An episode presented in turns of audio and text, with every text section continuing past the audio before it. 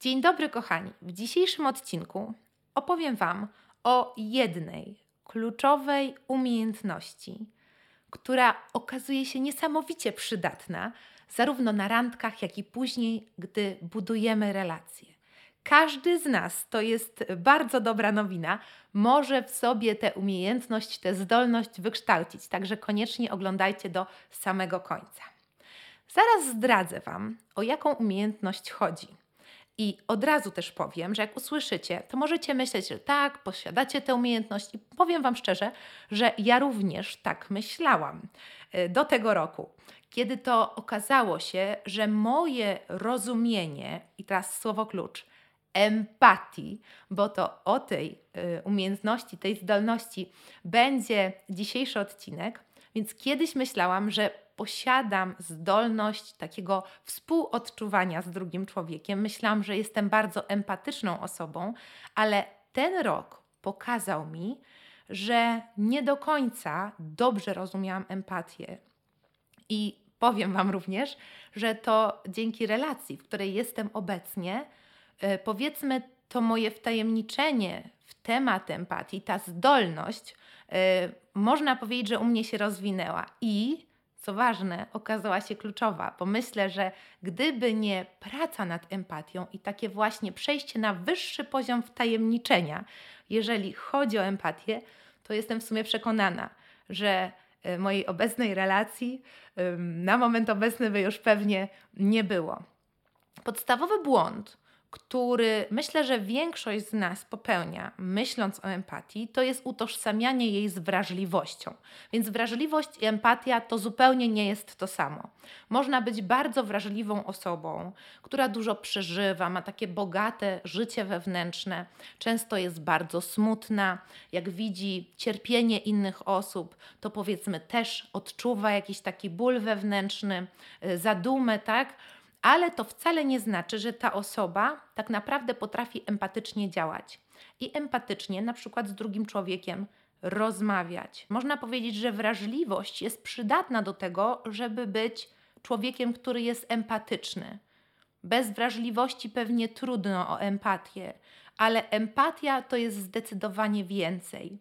To również zdolność słuchania drugiego człowieka, słyszenia, komunikowania się z nim w taki sposób, że czuje się on zrozumiany, ale również wykorzystanie wszystkiego tego, co właśnie zrozumiemy o drugiej osobie, po to, aby z tą osobą budować efektywnie relacje, żeby ta relacja po prostu działała, żebyśmy umieli ze sobą funkcjonować, żeby każdy z nas w tej relacji czuł się dobrze. Punktem wyjścia co do tego, żeby być człowiekiem, który jest empatyczny, względem drugiej osoby, jest zrozumienie, że naprawdę każdy człowiek jest inny.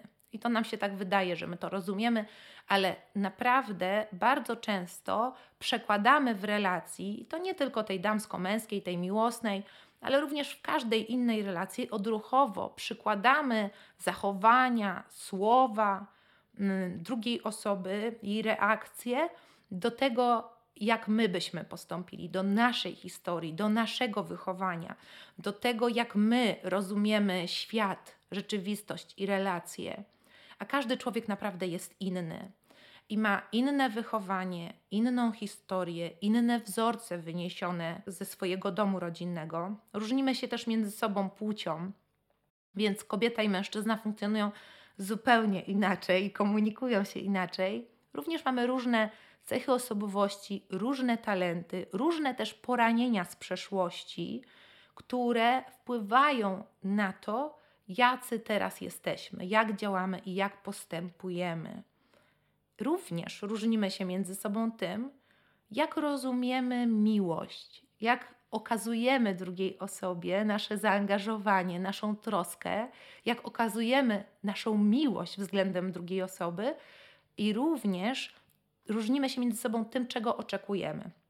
Więc co tu zrobić, żeby być empatycznym? Pierwsze to właśnie przyjąć jako pewnik, że druga osoba się ode mnie różni. I tak jak często mówimy, że w związkach, że na tym kanale tego typu odcinki, tego typu przekaz już pojawiał się, prawda?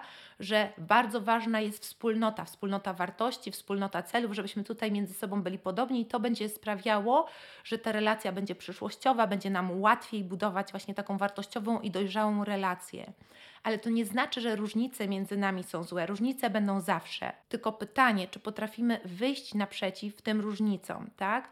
I właśnie postarać się wzajemnie siebie zrozumieć i wypracować jakiś taki swój sposób funkcjonowania.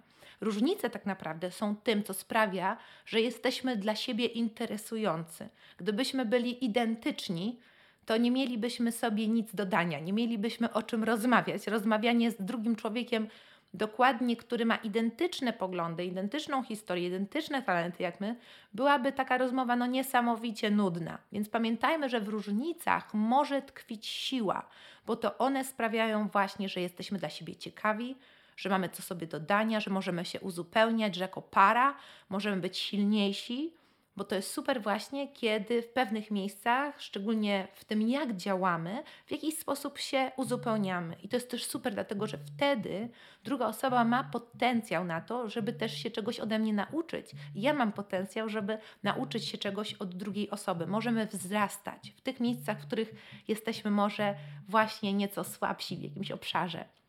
Więc różnice nie są złe. Bardzo ważnym jest, żeby wyłączyć ocenę, wyłączyć opinię. My często, szczególnie na początku, nie, jak kogoś poznajemy, to bardzo łatwo wydajemy jakieś sądy na temat drugiej osoby.